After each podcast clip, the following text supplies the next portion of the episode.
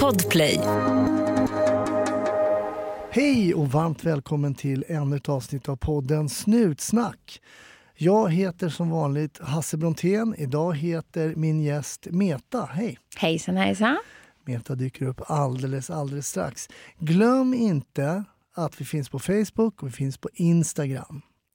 Meta kommer ha ett intressant case, det måste jag säga Meta, i Patreon-avsnittet som mm, det var emotionellt. Ja, det var det nog. Vill du stötta podden och bli Patreon, gör gärna det. Gå in på patreon.com snutsnack. Men nu säger jag, som jag alltid brukar säga i en avsnitt, var försiktig där ute. Och så hoppas jag att du får en väldigt trevlig lyssning. 1310 1070 kom. 1310 Odengatan kom. Ja, det är uppfattat. Vi tar det. Slut. Bra. Klart slut. Varmt välkommen till Snutsnack Meta. Tack. Så roligt, för vi har eh, bara av en händelse sprungit på varandra och så vet jag att du är med, kan man säga, en systerpodd eh, som heter Över min döda kropp. lite grann. Mm. Det stämmer faktiskt bra det. Mm, så jag drar in dig därifrån hit nu. Mm. Men det är lite olika poddar, det här är ju lite mer klassiskt one-on-one bara. Just det. Men du jobbar ju inte som polis. Nej, det gör jag inte. Jag gjorde det Ja, du gjorde ju det. förr i världen, Ja. men i tidernas begynnelse. Men jag gör inte det längre. Nej, vi ska ju givetvis prata om varför man jobbar som polis, sen slutar som polis. Mm. Men jag har sett dig på tv också. Du var med i den här Tjuv och polis senast. Åh, herregud, ja. ja. ja. Det funkar att vara polis på tv minsann. Ja, men, ja, precis. Då passar det.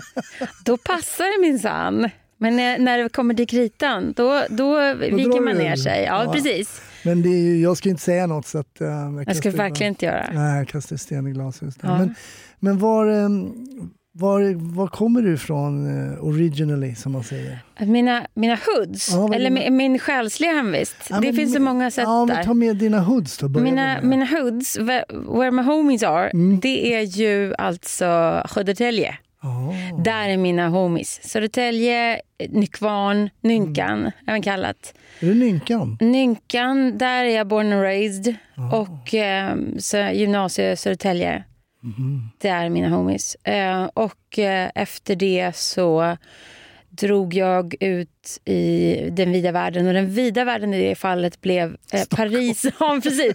Paris och Tyresö. De två. Okej, Ändå feta metropoler båda. verkligen. verkligen. Ja, Vilken Trollbäcken, För, för, föredrog du då? Trollbäcken eller Alltså Paris? lätt, lätt eh, Trollbäcken. Ja, lätt Trollbäcken. Men det här, då var det efter du hade varit ute i vida världen som du kom på att kanske polisyrket skulle vara kul att testa eller var det innan?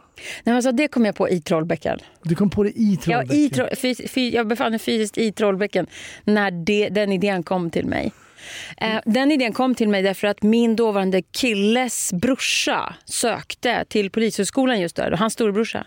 Han kom inte in, han var sur över det. Nej, han var inte alls sur. Björn är typ världens snällaste människa.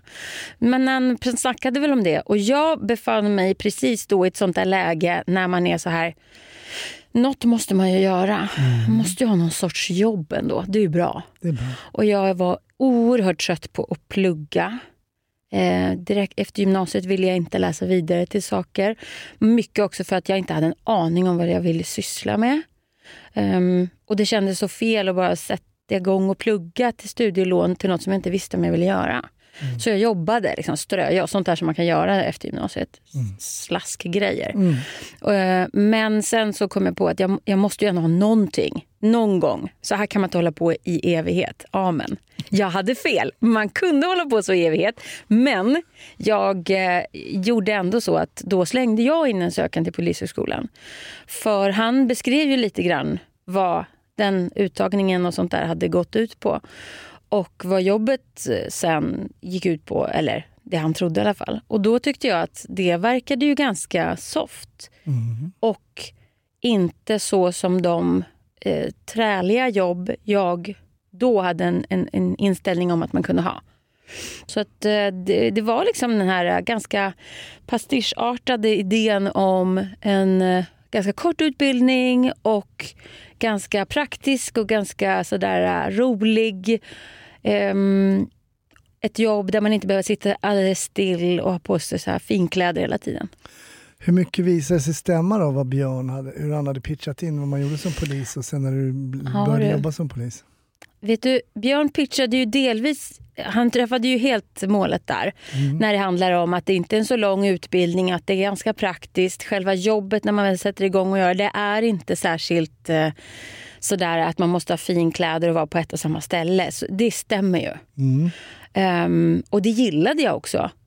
Men det som Björn inte pitchade in, för att han inte alls kände till det, var ju de sakerna som jag fick uppleva som, som var både bra och dåliga, men som ingen som inte har jobbat inom blåljusyrkena någonsin får uppleva.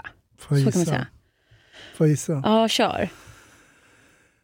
Väldigt mycket mer psykisk ohälsa än vad du trodde. Folk som mår verkligt dåligt. Mm. Många fler som spöar på varandra hemma än vad man trodde. Ja. Eh, Det är två. Eh, Och att folk knarkar helt mycket. Det är tre som var jättestora. Sen finns det den fjärde. Den är hur mycket polisen behöver engagera sig i människors fyllor. Det. Den är ju väldigt stor. För jag jobbade i Stockholms innerstad. Vi pratar krogar, vi pratar, jag var på Södermalm, Medis, Yes. Björns trädgård. Det, vi pratar ju, det, alkoholen flödar. Det är som en dionysisk, liksom, det, är som ett vortex av sprit som man badar i varje helg. Ja, det är Badade. verkligen sant. Ja, verkligen. Eh, från liksom billiga 7-5 klockan 10 på morgonen när Systembolaget precis slår upp dörrarna till riktiga såna här klassiska vodkabussar som rullar in från, från Västra Haninge. Liksom, det, är som en, eh, det är som ett lämmeltåg av vita skåpbilar direkt från, från Hoodsen. Och sen alla uteserveringar där på varmare Absolut. mitt, liksom emellan. Ja, som kör några sköna så här, sommarhits, ons, ons. Var du, var, ty, blev du överraskad över att det var så mycket liksom, att interaktion med människor som var påverkade av rusdryck? Ja, jag, ja, jag tror faktiskt att jag var eh, överraskad. För jag själv kommer ju från en megaprivilegierad bakgrund. Ehm, den hade jag inte heller kanske reflekterat särskilt mycket över då. Ehm, men det gör jag ju, absolut. Vit medelklass, lite övre medelklass skulle jag nog nästan vilja påstå. Väldigt så här, trygg uppväxt, bakgrunden i, i Nynkan då. 10 000 personer i hela orten. Det är liksom, Folk är... Ja, It's the good stuff. Liksom. Men då har man det bra om man växer upp så. Så jag hade aldrig haft någon speciellt stor egen erfarenhet av hur illa det går med människor som är påverkade och inte kan hantera det. Hur stark alkoholismen som sjukdom är. Ehm, och hur mycket det går att ursäkta folks dåliga beteende med att det skedde ju på grund av alkohol eller droger för den delen också förstås. Mm. Jag hade ju ingen erfarenhet av det så jag hade ju inte en sån bild heller av att världen såg ut så. Nej. Det är intressant. Eh, hur, när du var färdig och kom ut, började du jobba på Söder då, på Södermalm? Ja, det gjorde jag. Hur, hur, hur gammal var du då? Ja du, jag började på BAS när jag var 21, vilket är ungefär samma sak som 12 och ett halvt i polisålder. Ja, exakt samma ålder som jag Ja, faktiskt. Ja. så att jag började ju alltså jobba, eller var, jag gick ju som PASP när jag var, ja, jag var 23 eller någonting. Mm. Så att, det var ju ett lärospån kan man säga, när man ska försöka eh, komma in och tala om för andra människor till slut vad, hur saker och ting behöver gå till. Eh, man ger förstås möjligheterna om att, det, att du, du kan välja upp till en viss punkt. Men till slut så kommer jag behöva tala om för dig vad som gäller. Det är inte jättelätt när man är 23 och eh, får den respekten. Det, det kräver lite. Kände du att det, var, att det var lite motigt i början? Eller? Ja, det var det verkligen. På vilket sätt var det motigt? Då? Ja, men, och det är med, med veta Om man är en 55-årig person som är, kanske har bott hemlös i långa perioder, har ganska svår alkoholism och lever the rough life, alltså riktigt rough life.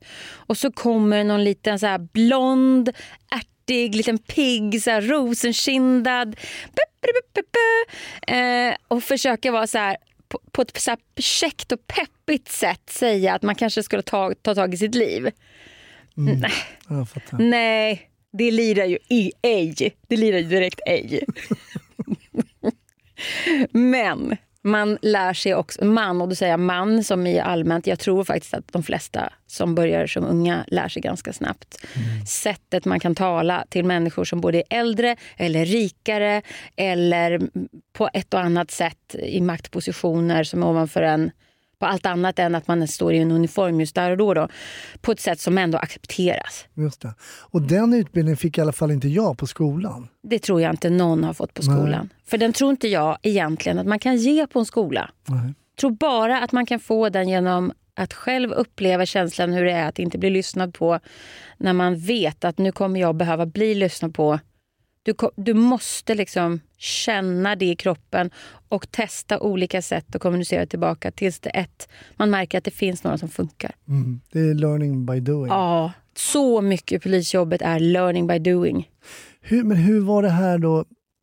Kan man säga det? Kan man kalla det för ett litet uppvaknande då? Att, liksom, att upptäcka det här, kanske att det fanns ju liksom människor som levde på ett annat sätt än vad man gjorde i Nynkan. Hur var den, eh, hur var den liksom insikten för dig då? Att möta det här, för du, jag kan tänka mig att på Södermalm så mötte du det här faktiskt varje dag. Absolut. Det, det gjorde jag ju verkligen. Eh, sen så är det ju som på många andra ställen att till slut har man ju träffat samma människor så många gånger om och om igen. Så man börjar ju utveckla en form av relation. Mm. Den är ju inte en, alltid en vänskaplig relation men den kan vara faktiskt respektfylld i alla fall.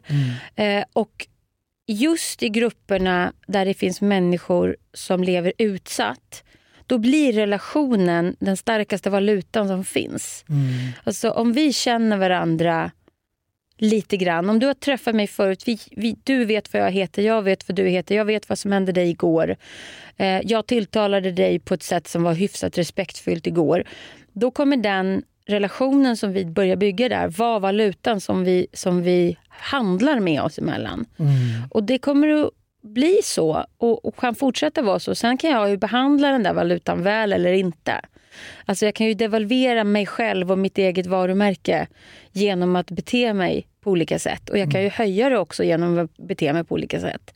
Så att så länge man börjar, och jag tror att det är det som poliser upptäcker efter, efterhand. Att du kan inte bara säga en sak. Du måste säga det, men du måste ha med dig också känslan och relationen.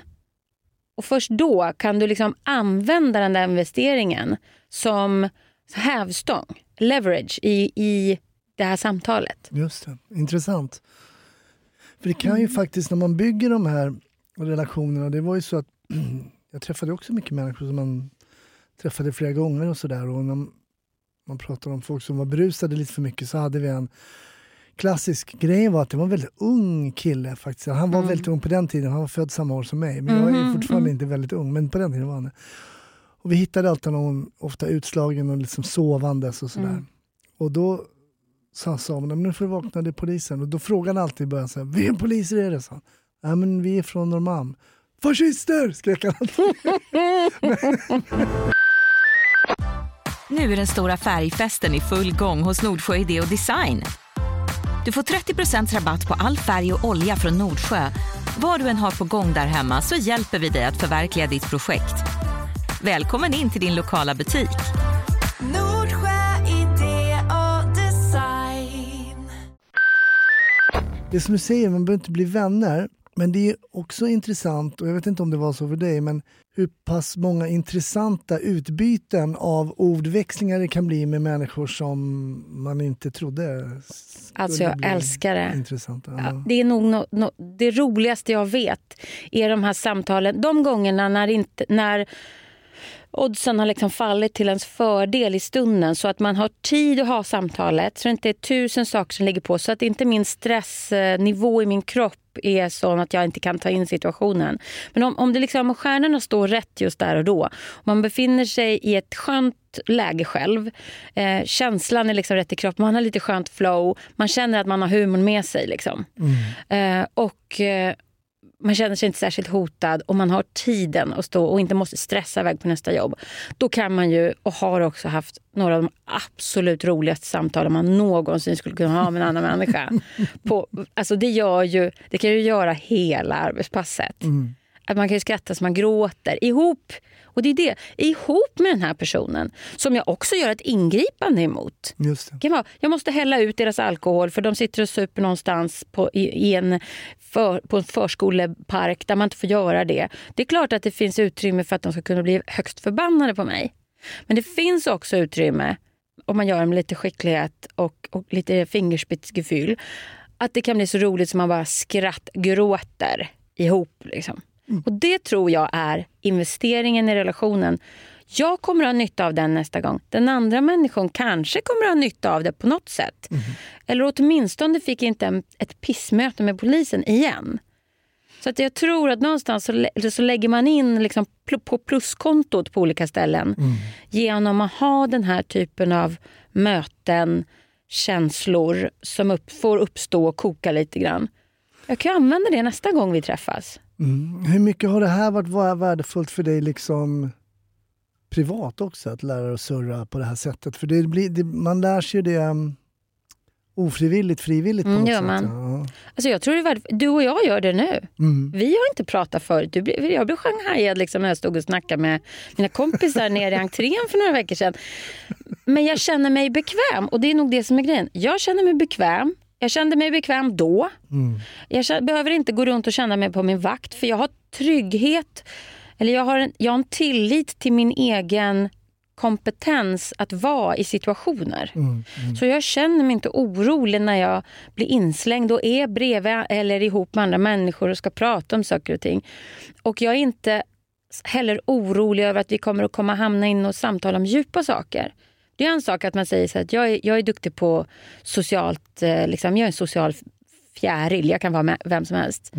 Men då, de personerna som är det kan ofta vara så att då är man duktig på att hålla sig på väldigt ytliga och o, okomplicerade ämnen. Att man är duktig på att navigera där, lite värdinnekänslan, att gör ingen obekväm. Men jag vill påstå att jag tack vare det jobbet har utvecklat en, en grundtrygghet i att låta ett samtal hamna lite var som helst, även där det är jobbigt. Liksom. Mm. Mm. Och det stör inte mig någonting. Nej, men jag förstår vad du menar där med det här lite fnittriga, lite så att man blir lite bilförsäljare. Mm, precis. Det är inte, den kan ju vara trevlig men kanske inte alltid uppfattas som genuin. Nej, och då tror jag, eller jag vet att försöker man det med personer som befinner sig i en utsatt situation, då är det bara en provokation. Mm. Det går inte. kan inte göra det därför att maktsituationen oss emellan den är för stor. Alltså glappet mellan oss i form av i för makt är för stort. Så om jag börjar använda mig av lite sån här eh, pastellfärgat strössel ovanpå alltihopa då sticker det i ögonen. Därför att den andra personen har inget sånt där strössel att komma med till, till glassen. Liksom. Hur mycket var du i den här förändringen då som du berättar? Att du kommer inte van att prata med personer som är ja, berusade och, och påverkade på annat sätt. Hur mycket var du fortfarande dig själv när du ändrades? Liksom? Var det någonting som du kunde lägga på eller var det hela du som liksom... eh, Som, alltså var fortfarande, förstår vad jag menar? En Ja, jag tror precis jag förstår. För att det där är ju en, eh, det där är en process. Först så är, nu, nu kan ju bara jag uttala mig för mig, men eh, jag jobbade ju som lärare på Polishögskolan precis innan jag slutade som polis. För jag har ju slutat, de sista fyra åren var på Polishögskolan. Och jag såg det här i studenterna också, så jag kan ändå någonstans, och också som instruktör för aspiranter, så, man ser ändå att det är samma typ av mönster. Att det är den här, eh, att lära sig bära uniformen, brukar jag kalla det. Det är det här att gå från att ha tilldelats uppgiften till att verkligen fylla ut sin, sin jacka. Så, och den där måste ju fyllas ut med, det är inte muskler som den ska fyllas ut med, utan den ska ju fyllas ut med grundtrygghet och balans och fingertoppskänsla och respekt och mm, värderingar och saker som man kan backa hem. Och in, ingen prestige, massor med här egenskaper. Och de, det är en process att tillägna sig dem. Så från början så tror jag att då är man, från allra första början när man kommer in på skolan, då är man sig själv.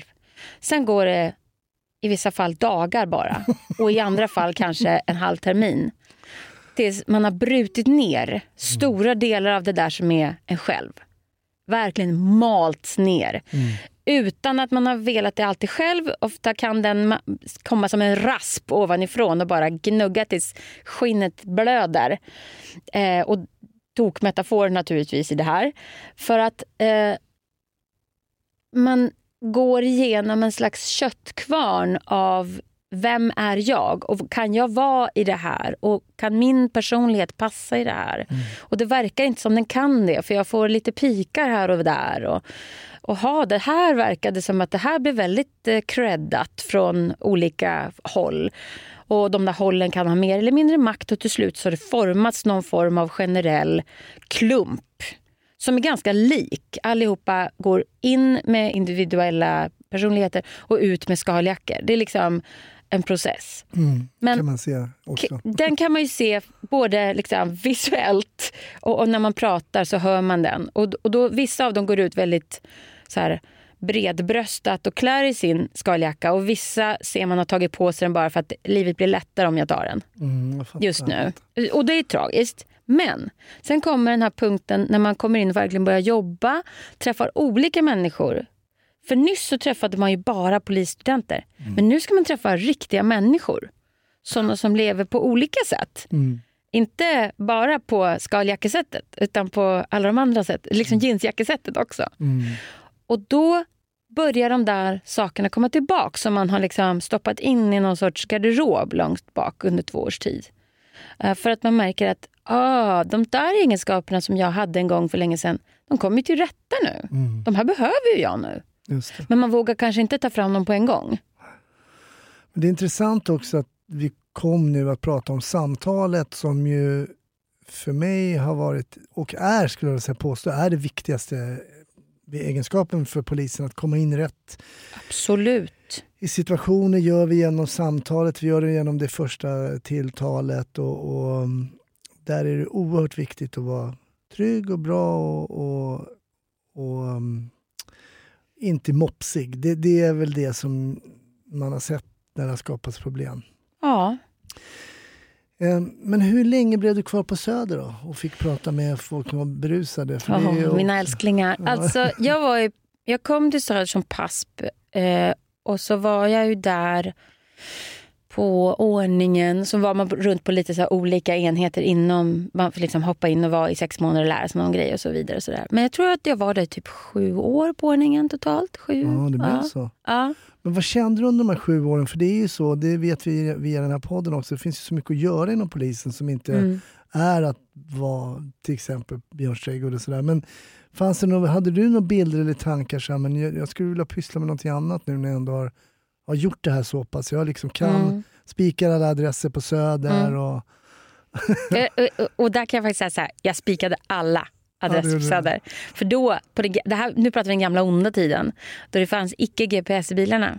Då fick man läsa, då fick man ju plugga taxikartan. Ja. Det lär, lär ju fler personer i den här intervjupodden ha pratat om. ja, jag tror taxikartan. det någon gång. Jag funderar på att starta Taxikartan-podden bara för, bara för att prata om Taxikartan. Vi pratar alltså en atlas-tjock stor bok, Ja. inbunden Ja. med hårda kanter. Jag, eh, jag älskade Taxikartan. Vi, när vi kom ut som paspar då fick vi sitta med våra instruktörer som sa så här, nu kopierar ni eh, Södermalms olika kartblad med, i kopieringsmaskinen. Så en överstrykningspenna och så börjar du stryka över gatorna. Och när du kan en gata utan till, då får du, sätta, då får du göra den gul. När kartan är helt gul, då kan du Södermalm. Vet du vad som Det gjorde vi. Ja, det är otroligt. Vet du vad som irriterade mig när jag började jobba i stan? Det var att så här, skåningar och värmlänningar hittade bättre i min egen stad än vad jag gjorde. Mm, det är förbanna, man blir förbannad. Och det knäckte mig för att jag hade åkt tunnelbana och jag hade kommit upp så här, Sankt Eriksplan, plopp. Mm, som en Aha. svamp bara. Så Ja, här. exakt. Som en champinjon Och kom man bara, upp. men vi ska ju till Odenplan. Då gick vi ner liksom Sankt Eriksplan, åkte en station, plopp, Ja. plopp. Ja. Jag hade ingen aning om hur prylarna satt ihop. Nej.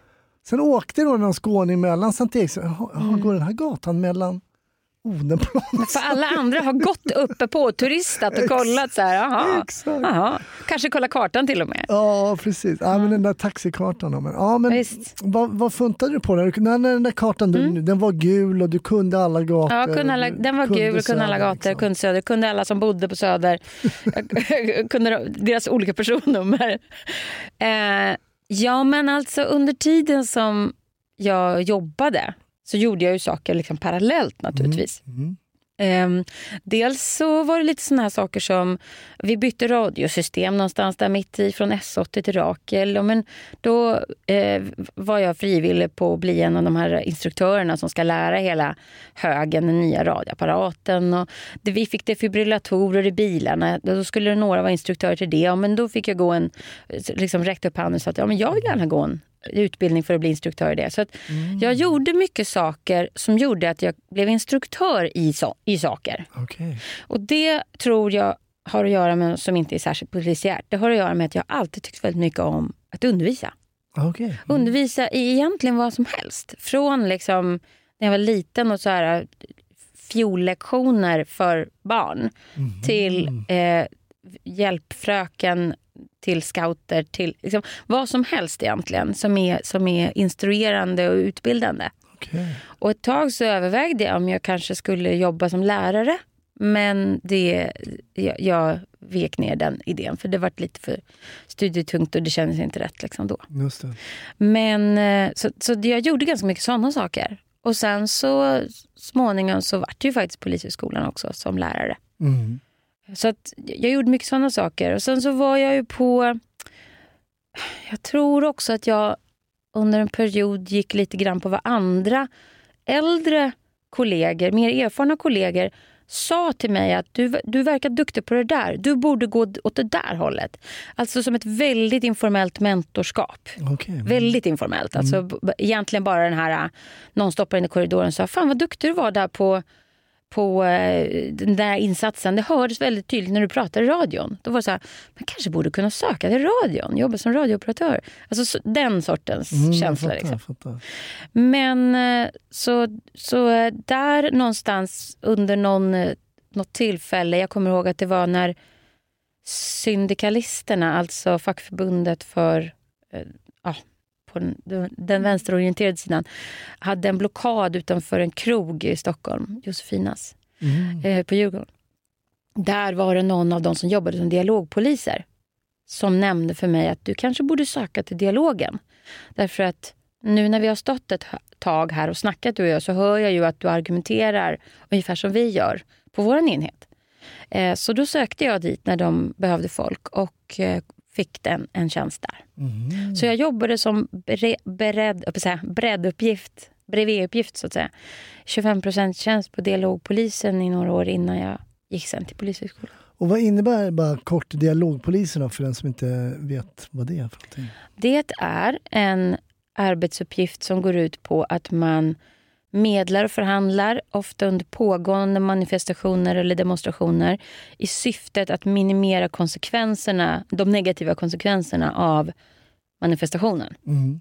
Alltså minska mängden våld, eh, till exempel. Ehm, men också naturligtvis och genom det se till att bidra till att demonstrationen ska kunna fortgå så att folk kan använda och utnyttja sina grundlagsskyddade rättigheter. Mm, en kombo av de två kan man säga. Vad tycker du har varit det, det roligaste med att, att jobba som polis? Om du bakar ihop allting som på det du har gjort. Vad, varför har det varit roligt? Varför stannade du kvar så pass ändå länge som du gjorde? Ja. Jag skulle säga först och främst så är det nog kollegorna. Alltså de kollegor jag hade tyckte jag så jävla mycket om. Ehm, bra, kul, men eh, vissa är ju direkt idioter så det får man inte, kan man inte sticka under stol med. Riktiga vettvillingar. Men samtidigt kan det i sig vara underhållande. Man kan ha väldigt roliga pass. Mm. Sen får man ju ta ansvar för så att det inte blir fel. Liksom. Mm. Det får inte bli fel. Men jag menar vettvälling som i samtalet, tugget man har. Liksom. Mm. Och det, det är ju grymt. Det är otroligt roligt att ha ett roligt arbetspass. Det är jätteviktigt. Det är fantastiskt. Mm. Så det, det är ju faktiskt nummer ett tror jag. Ehm, det, polisen drar till sig lite lattjo folk. Alltså som, eller så blir man lite lattjo när man efter ett tag. det kan ju vara det. kan vara en kombo. Det kan vara en kombo. Men det är trots allt, det blir underhållande pass. Mm. Och sånt är ganska viktigt. Det kan man inte komma ifrån. Verkligen. Den andra saken tror jag att jag stannade för mycket för var för personerna psykisk ohälsa. Mm. Jag har ända sedan jag började på polisen, alltså första aspirantpassen, fick jag en sån där jättestark känsla, upplevelse av att eh, man det här, att det finns många människor med väldigt stark psykisk ohälsa som står i begrepp att och, ta livet av sig eller på andra sätt skada sig själva som ett sätt att lindra sitt lidande. Liksom. Mm. Det, det, det, blir, det blir så starkt. När man jobbar på IG, så träffar man ju det, alltså ingripande verksamheten, så träffar man ju på detta, om inte dagligen i Stockholm så åtminstone varje vecka. Mm. Ett par case i, i den liksom häraden i alla fall, den sfären. Eh, och de, de la sig verkligen i mig, de casen. Så starkt alltså. Så starkt. Och jag, jag kände verkligen med dem och jag kände också att vi hade en väldigt fin, det blev en väldigt fin kontakt många gånger. Intressant. Jag eh, förstår vad du menar. Jag hade ju en pappa som var psykiskt sjuk Mm. och vi hade polisen hemma hos oss Mm. när jag var liten Mm. och när pappa inte mådde bra, när han gjorde konstiga saker. Mm. Jag har bara negativa bilder från det. Det kan jag förstå. Och det här var ju back in the days då, då men eh, det var inte bra. Och jag Nej. kan tänka mig att det faktiskt sköts så, så himla mycket bättre idag. Mm. Eh, men vilken besvikelse. Sen, först tyckte jag också att det var väldigt pinsamt kan jag säga att pappa Mm. var polis Aha, ja, och ja, vi ja. ringde till polisen. Redan där fattade man att Det där var, är komplext. det var lite jobbigt, för pappa var ju hjälten och sådär. Men, Ja. ehm, och sen hur de som kom, och framförallt kom jag, jag kommer ihåg hur en polis såg ut. Mm. Hade skägg och... var Det är så starka stunder. Ja, precis. Precis i det ögonblicket så är det ju verkligen inte bara, bara och nu gör jag riktiga hartassar med fingrarna här, den utsatta personen, alltså personen som befinner sig i det psykiska lidandet. Det är inte den personen det handlar om bara nu, utan nu handlar det om alla som finns runt om. Från den allra närmsta anhöriga familjen till vänskapskretsen, den mer perifera. Alla kommer att påverkas på ett eller annat sätt, kort eller lång sikt. Och det är en så stark händelse. Om den är väldigt traumatisk där och då så är det en sak. Den kan ju vara utdragen över lång tid, att man lever med det på ett eller annat sätt. Eller unga som, som mår otroligt dåligt under lång tid med depressioner vars föräldrar har jobbat i, i liksom, decennier för att försöka ta hand om sitt barn. Så är det ju det så oerhört emotionellt laddade situationer. Så vad som än sker i den så kommer den att sätta sig som en minnesbild. Man kommer att komma ihåg lukten, smaker, kommer att komma ihåg bilder. Kommer inte komma ihåg saker i kronologisk ordning utan allt är en extremt intensiv röra. Liksom. Och där kommer man in som en helt utomstående person. Ja, Mm, mm, det är känsligt. det är känsligt. Verkligen känsligt. Det är, käns- det är nog det känsligaste man gör. Nej, det är lustigt. Jag, jag vet inte hur gammal jag kan vara då, men inte 15 i alla fall. Det tror jag Nej. absolut inte. Men jag har fortfarande minnesbilder där. Mm. Och skulle ju vilja ta ett snack med de där herrarna. Ja.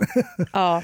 Jag har också s- träffat på det där, men i, e- i egenskapen då av polis, när man har gjort, ett case där flera poliser på plats har liksom varit involverade. Det har inte bara varit jag och min kollega utan det kanske varit fyra, fem bilar eller patruller på plats.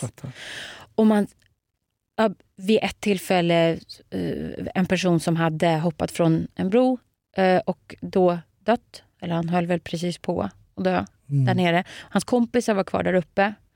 Och jag pratade med, satt med kompisarna där uppe och så kom det någon polis och ställde sig liksom ovanför dem och började skälla på dem för någonting som varken vi eller de hade uppfattat. Jag kommer ihåg att jag höll på att tappa sinnet. alltså. Jag höll på att tappa sinnet. Ehm, bara för att, gör, gör inte så här bara. Gör inte så här. Det här är inte lämpligt just nu. Kommer in från sidan liksom. Gör inte bara. Nej, det är inte bra. Jag brukar alltid fråga min gäst om ett case eller ett ärende eller en händelse eller någonting under den liksom polisiära resan som sitter kvar i minnet av en eller annan anledning. Mm. Vad tänker du där Meta? Har du någonting som poppar upp om någon säger så till dig? Är det något speciellt case eller har du flera? Eller? Jag har, nog, jag har nog flera. För när du säger så, så då poppar det ju upp nu. Nu när man sitter här och tänker på dem. Och det är nästan alltid, om jag får den typen av fråga eller påminns om någonting, att det är ungefär samma grejer som kommer tillbaka. Det är tre, fyra olika case som alla poppar upp. Och de har allihopa med just psykisk ohälsa att göra. ett av dem inte. Men det har nog att göra med det där, det där djupt mänskligt, liksom, det tragiska. Det kan vara en, ett dödsfall eller så-. Intressant, för att det är oftast de minnena som vi får egentligen, Ja. där det är det här emotionella, tragiska, det här det oförutsägbara lite grann Mm. också. Så. Men berätta lite om eh, det du tänker på. Ehm, jag tänker på ett case där jag satt, vi hade aspirant i bussen. Vi körde såna här liten minibuss, såna där som människor som inte jobbat inom polisen brukar kalla för piketbussar. Men, eller piketbussar är ännu bättre, men det är inte det. Det är en vanlig buss, det är bara för att tunga och tjocka poliser måste kunna åka skönt. Eh, vi måste kunna få åka bil också. Kan man få vara tjock i fred eller? Ungefär så. Eh, men vi, vi körde runt och så gick det ut ett jobb om att en var på en bro i Stockholm. En person står på räcket och tycks vara beredd att hoppa. Och just när det jobbet gick ut så var vi, vi var bokstavligen vid brofästet på Okej. den bron. Så att vi var på bron när jobbet hade gått ut. Så vi bara tvärstanna bussen. För taktiken är ju förstås att man inte ska bara rusa rakt fram och skrämma någon över kanten. För man kan bli överraskad. Utan verkligen trampa försiktigt och sänka stressen och sådär. Så, men vi var redan för nära. Så att det var bara att bromsa in och då såg vi mycket riktigt att det var en som var på väg, ena benet över räcket och andra eh, liksom, satt mitt över räcket. En hög, hög, hög bro i Stockholm.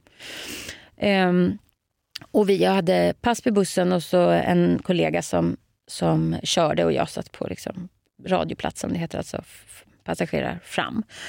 Men med oss i bussen hade vi också en person som var en som vi hade gjort ett ingripande mot. Ah, En man som eh, också så, så var, vi skulle göra en handräckning av den här mannen från polisstationen till eh, psykiatriska akuten på Sankt Göran. jag förstår. Där satt en man, en lite äldre man.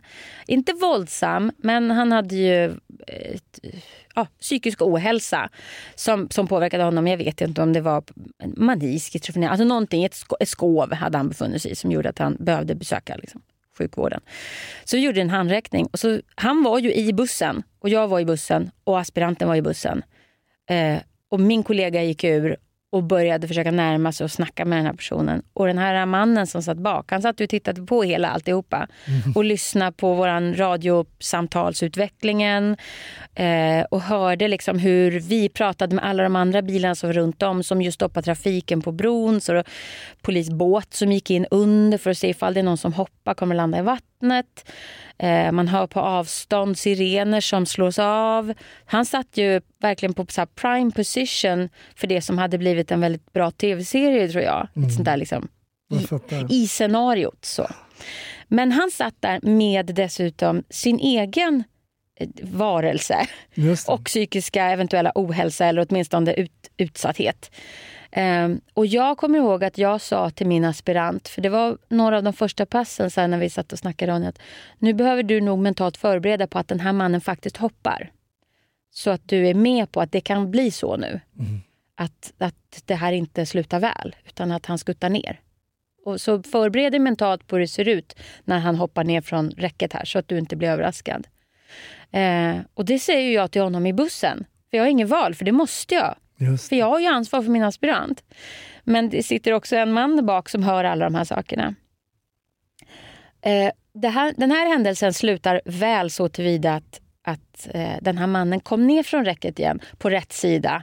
Och min kollega fick tag på honom och nöp, nöp honom och så, så vart det en diskussion där. Ska vi ta honom med bussen och köra upp? Och då sa, var jag tvungen att säga det att nej, vi, har, vi har tyvärr redan en, vi kan inte köra två till samma ställe nu. En, det blir konstigt. Så det, någon mer får komma fram så vi kan lasta. Liksom, två olika fordon i alla fall. Så, så alltihopa vart ju ändå ja, klappat och klart och pang bom. Och åtminstone kom han till rätt, det rättaste ställe han skulle kunna komma till. Just så i alla fall, Mm, om man ska säga så. Mm. Eh, men det som hände med oss när vi hade pangat igen dörrarna och var klart, det var ju bara, ja men vi fortsätter väl med vår handräckning.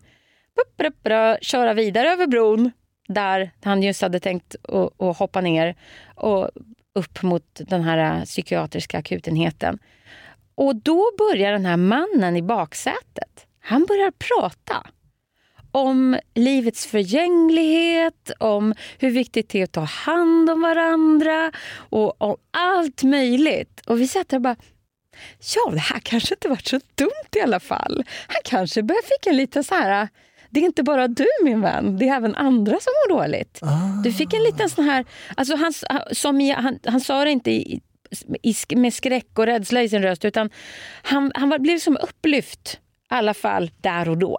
Sen kan man alltid få en dipp. Jag, jag, jag är inte en läkare, jag är inte en psykiatriker eller psykolog. Så, Naturligtvis. Man fick någon form av wake-up Han fick liksom. en form av wake-up call för han hade suttit nämligen tyst och lyssnat under hela tiden. Annars hade han ju kunnat, jag menar, det hade faktiskt kunnat hända vad som helst. Hans, hans eh, psykosliknande tillstånd han hade haft innan hade kunnat blåsa igång igen. Mm. Han hade ju kunnat bli jätteutsatt i det där läget, triggad. Det hade han Såklart. verkligen kunnat bli. Men det vart ju som tur var precis tvärtom. Så, och, och det kändes fint någonstans ändå. Men det var speciellt. Det var som en dubbelmacka, en sandwich på alla möjliga sätt. Det var så konstigt. Mm. Och det där har ju hänt att man är på plats och så har man någon i bilen, alltså man har en Absolut. gripen, omhändertagen eller som i ert fall en handräckning, så Mm. måste man lösa det ändå. Precis. Det hade nästan kunnat bli att den här aspiranten skulle liksom... Han får promenera. Ja. Eller få, jag tänker om han, han kunde ju gått blivit wacko där bak och liksom Ja. kanske fått en annan reaktion Absolut. än den här milda som han fick som nästan var att det kanske inte bara jag som mår dåligt utan Nej. att världen finns omkring en och Ja. andra. Det, det kan ju hända mycket när man har Alltså en... egentligen är det ju så. Vad som helst kan hända. Man måste ju vara med på det så mycket som möjligt. Och det går ju ändå bara upp till en viss punkt. Sen är det oförutsägbart. Mm. Men just de där sakerna som man ändå gör som rutin och ju mer man gör dem till rutin desto bättre. Som till exempel det att säga till aspiranten att gör dig förberedd på att den här människan hoppar. Hoppar han inte så, blir vi, så är det tummen upp. Men var förberedd på det ifall att.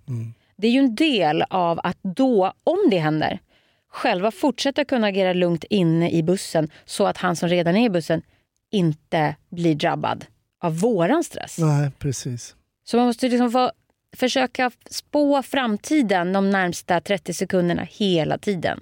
Just det. Ehm, mm,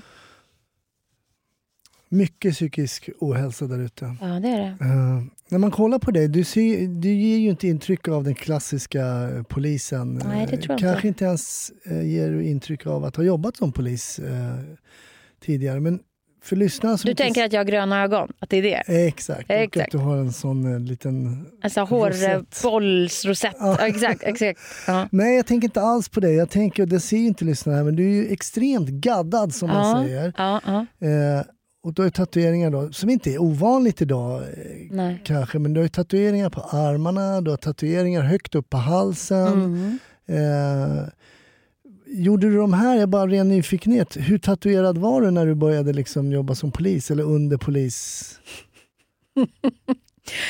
Eh, jag hade ett par små tatueringar när jag började på skolan. De var strategiskt placerade på, på ställen på kroppen där man gömmer dem med en t-shirt. Mm. Eh, sen så blev jag, ville jag ha några till. Då satte jag dem på ställen där man igen gömmer dem med hjälp av en pikétröja. eh, och sen så började jag väl känna att det tycks inte vara ett jättestort problem att ha tatueringar. Eh, jag menar, det blev fler och fler. Det hade kanske varit en sak om jag var helt ensam och såg ut som en, som en sailor. Liksom. Mm. Men eh, det var ju faktiskt lite då och då några grabbar som ändå gjorde någon sliv här och var. Eh, då tänkte jag att det, det, låt detta ej hindra mig. Så ungefär kändes det som. Eh, och det var ju inte så. Men de största, liksom min throat piece och så, de har jag gjort efter att jag slutade. Ah, okay. Men det hade nog mer med mitt intresse att göra. Det kostar pengar så jag behövde med deg för att göra det. Alltså det, det, det är allt möjligt. Det är sådana saker också. Ren nyfikenhet egentligen bara, för att Ja. jag kommer ihåg, jag jobbade också som lärare på slutet, och kom ni, på min tid var ingen tatuerad. Nej. Eh, Det här är ju någonting, och det, har ju, det går ju i mode olika saker, det har ju blivit Mm. mer liksom så. Men jag hade en kille som eh, var en av mina studenter, han, var, han hade dubbla sleeves liksom. Mm. Och sen så var han långhårig, rökte, men det dröjde inte länge innan det där håret rök av. Och, Ja, och klart. sen, men, men, ja, det, Sen kom skaljackan. Precis, som Kvargburken. Det, det du var inne med, och bananen. Ja, bananen i andra handen, snabb, snabbt drag. Ja. Men Jag kommer ihåg i alla fall när han han hade, de hade sprungit milen den klassen och då var jag på väg hem och så såg jag, så jag stannade till med bilen Mm. och så kom han och sa, hur var det att, att springa milen då? Jag kan säga, aldrig varit så skönt att komma i mål och få ta en cigg. Och jag tyckte det var så skönt, jag vet att det inte är bra att röka, men eh, jag tyckte Men det var så skönt att få den här, då? Ja. Ja, så tyckte jag att jag sa, så vet du, behåll den sidan hos dig som inte är, för det där är väldigt icke-polisiärt, Ja. men behåll den där. Det var den samma kille då. Mm. Eh, så att, eh, jag, var bara, jag var bara nyfiken. Eh, sen brukar jag alltid runda av Ja. och fråga min gäst om de är helt freaks på att kolla på polisserier och polisfilmer och vad de tycker om svenska polisfilmer till exempel. Okej, kan, först kan jag ge dig ett, ett eh, jätteenkelt svar. Mm. Jag tittar inte på någonting på svenska. Ah, Av någonting. Det är nummer inte ett. någonting om någonting. Nej. Okej. Det är nummer ett. Får man, kan man få en Jag fram- läser heller inte på svenska. Är det sant? Ja. Egentligen, do you want me to switch language? Alltså, who do you want me to be? Men ah, Okej, då, då stryker vi Beck. så då den kan, de kan vi absolut stryka för de, är ju, de blir för mig djupt ointressanta. Ah, det blir Och så. det är här det för är att ju- det är just det svenska språket eller för att det speglar... Så är det. För mig, jag har en issue med eh, skå, svenskt skådespeleri. Mm. Och det har absolut inte med skådespelarna att göra. De är ju ofta briljanta. Mm. Jag har problem med när man när jag liksom, till och med hör musik. Jag gillar inte ens musik som sjungs på svenska. Mhm. För det händer någonting i mina öron med det svenska språket som gör att det inte känns naturligt längre. Sen så har jag några bra undantag förstås. Det finns såklart några stycken skådespelare som verkligen klarar av att prata så att det känns helt naturligt. Mm. Men ofta gör det inte det i mina öron och det har egentligen att göra tror jag med att jag själv är ju, svenska är mitt modersmål. Och jag kan, klarar liksom inte bortse från det. Men om jag istället läser på engelska eller eh, tittar på film eller så här på engelska oftast då så, så är jag ju inte lika bra på det språket. Så då missar jag ju det här som gör att det kanske inte låter helt naturligt. Ja. Då går det mig förbi. Och det glädjer mig när det gör det. Jag kan köpa, jag kan förstå, jag undviker inte på det sättet, som- men jag kan förstå dina tankar. Den andra delen är ju att jag tittar inte på tv Nej, heller. just det. Så, alls. Det dröjde jävligt länge innan jag skaffade en tv-maskin. Liksom. Men eh, nu är det ju pandemi, men Ja. går du på så här biograf? Jag har tyckt väldigt mycket om att gå till biografen, till cinematografen. eh, det har glatt mig. Eh, Mm. Men eh, nu får man ju inte göra det om man inte hyr en helt egen biograf. Nej, kan man ju i och för sig göra. Men det är tidigare asballt. tänkte gå och kolla på film så Det- som absolut. media. Liksom. Det, det är en lögn att säga att jag inte kollar på film. Det, strömningstjänsterna är min vän. Aha, Så absolut. Men tv-program, det är inte min gren. Det Utan att säga. vara med i tv-program. Det går utmärkt. Det Det, går utmärkt. passar jättebra. Det är bra. Men kan du då kanske rekommendera någonting? Är det någonting som eh, du skulle kunna rekommendera Snutsnacks lyssnare att kanske streama upp? Vad har jag streamat? Alltså, nej men, det, här, det är jättesynd om snutsnacks slags, ja du vet, lyssnare. För att eh, om de ska titta på det som jag tittar på, det kommer inte att bli bra för dem. Är det sant? Jag tror det, för jag tror att jag har en jättekonstig smak. Ja men vad bra, då Just nu till exempel, ja men just nu så kollar jag ju igenom alla eh, BBC's Gardeners World med Monty Don. Från, Ah, alltså vi det, pratar att så här, plantera 90-talet och fram till idag. Ja, så att i så fall så får ni titta på hur man i 20 minuters avsnitt så där, hur man planterar om liksom tatsetter i olika, i olika eh, fat och kanske hur man beskär en, en eh, budleja. Det är det ni får titta på då. Det är inte alla som vill det, det Nej, förstår jag. alla, inte alla. Jag tycker att fler borde göra det. Mm. Om man, om man, kan, om man liksom får göra en palett av allt som finns på att ta del av i, i visuellt material i olika strömningstjänster. Då tycker jag att människo, människosläktet skulle ju må bättre om de tittade mer på hur man beskar budleja än ganska mycket av det andra. Så kan det vara. Så Ja. kan det vara. Eh, men om du skulle rekommendera någonting som inte är att beskära budleja, Vad nu det är, jag bara säger namnet. Ja, men det är jättebra ändå. För du har, jag märker ju, jag jobbar ju ganska mycket med man- manipulativa tekniker. Så nu har jag planterat in det här. Planterat. Ja. Det. Så there. frö. Ja. Jag har sått ett frö. Eh, vad skulle jag kunna rekommendera då? Ja, men vad fan, jag måste kunna komma på någonting annat än det. Det behöver du inte. Nej, men alltså, för att vara allvarlig, jag har bara tittat på det i flera måmånader. Jag, jag kommer inte ens ihåg vad, vad som Vad finns då ska vi säga vad det hette igen då. Det, hette alltså på det här är BBC. Gardner's World. BBC's Gardner's World. För visst, du har ju ett Instagramkonto där du sätter en del frön också. Ja, jag planterar minst sagt Mycket. ett och annat frö. Och där du är lite lärarinna också och visar hur Ja, gör. precis. Hur, hur hittar man det kontot? Alltså man kan ju gå till eh, en, till en smart telefon till exempel. Mm. Och där kan man gå in på nå, eh, till exempel Instagram. Och då kan man gå in på School of Broddare. Det- School of... School of Broddare. Det är ju alltså min skola. För det är det jag gör nu. Jag jobbar ju inte längre som polis. Jag jobbar inte med de här sakerna. Det gör Nej. inte. Jag jobbar i min egen lilla låda. Och vad händer om man öppnar den? Det händer två saker. Dels så håller jag utbildningar i säkerhets hej och hå arbete och sånt. Eh, två, jag eh, upplåter min gamla folkskola och gård och mig själv och min kunskap till människor som vill lära sig göra saker själv. Det kan vara till exempel att bygga ett staket. Det kan också vara att koka marmelad. Det skulle kunna vara att odla eh, kronärtskockor. Det här är extremt långt från polisarbete. Mm, Jajamän, och det, det är inte dumt. Nej, Nej, för Eh, man kan faktiskt ja. göra både och i livet. ja, exakt. Man kan nämligen få göra både och. Det är det som är så gött. Man måste inte välja och så här, så här okej nu måste nu valde jag polis, då är det bara skaljacka, banan, kvarg och tjuvar som gäller resten av mitt liv. Nej, det går också bra att beskära deutzia. Det går jättebra att ta motorcykelkörkort eller lära sig att pilka öring om man nu gör det. Det går fint. Man får göra alla sakerna. Och jag till exempel tycker det var roligt att starta en skola där man bor över, typ grilla korv och titta på film på ett lakan i garaget och lär sig att samla vatten i en vattentunna.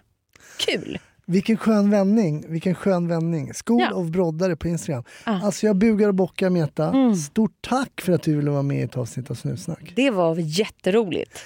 Vi ska prata vidare i Patreon-avsnittet. Jag är jättenyfiken på att höra. Du hade tre, fyra case som du. Ett var inte, hade inte med psykisk ohälsa att göra. Det är jag lite nyfiken på Mm. vad det var. Så jag tänkte vi kanske skulle eh, luska lite i det. Det Tack kan vi ta och göra.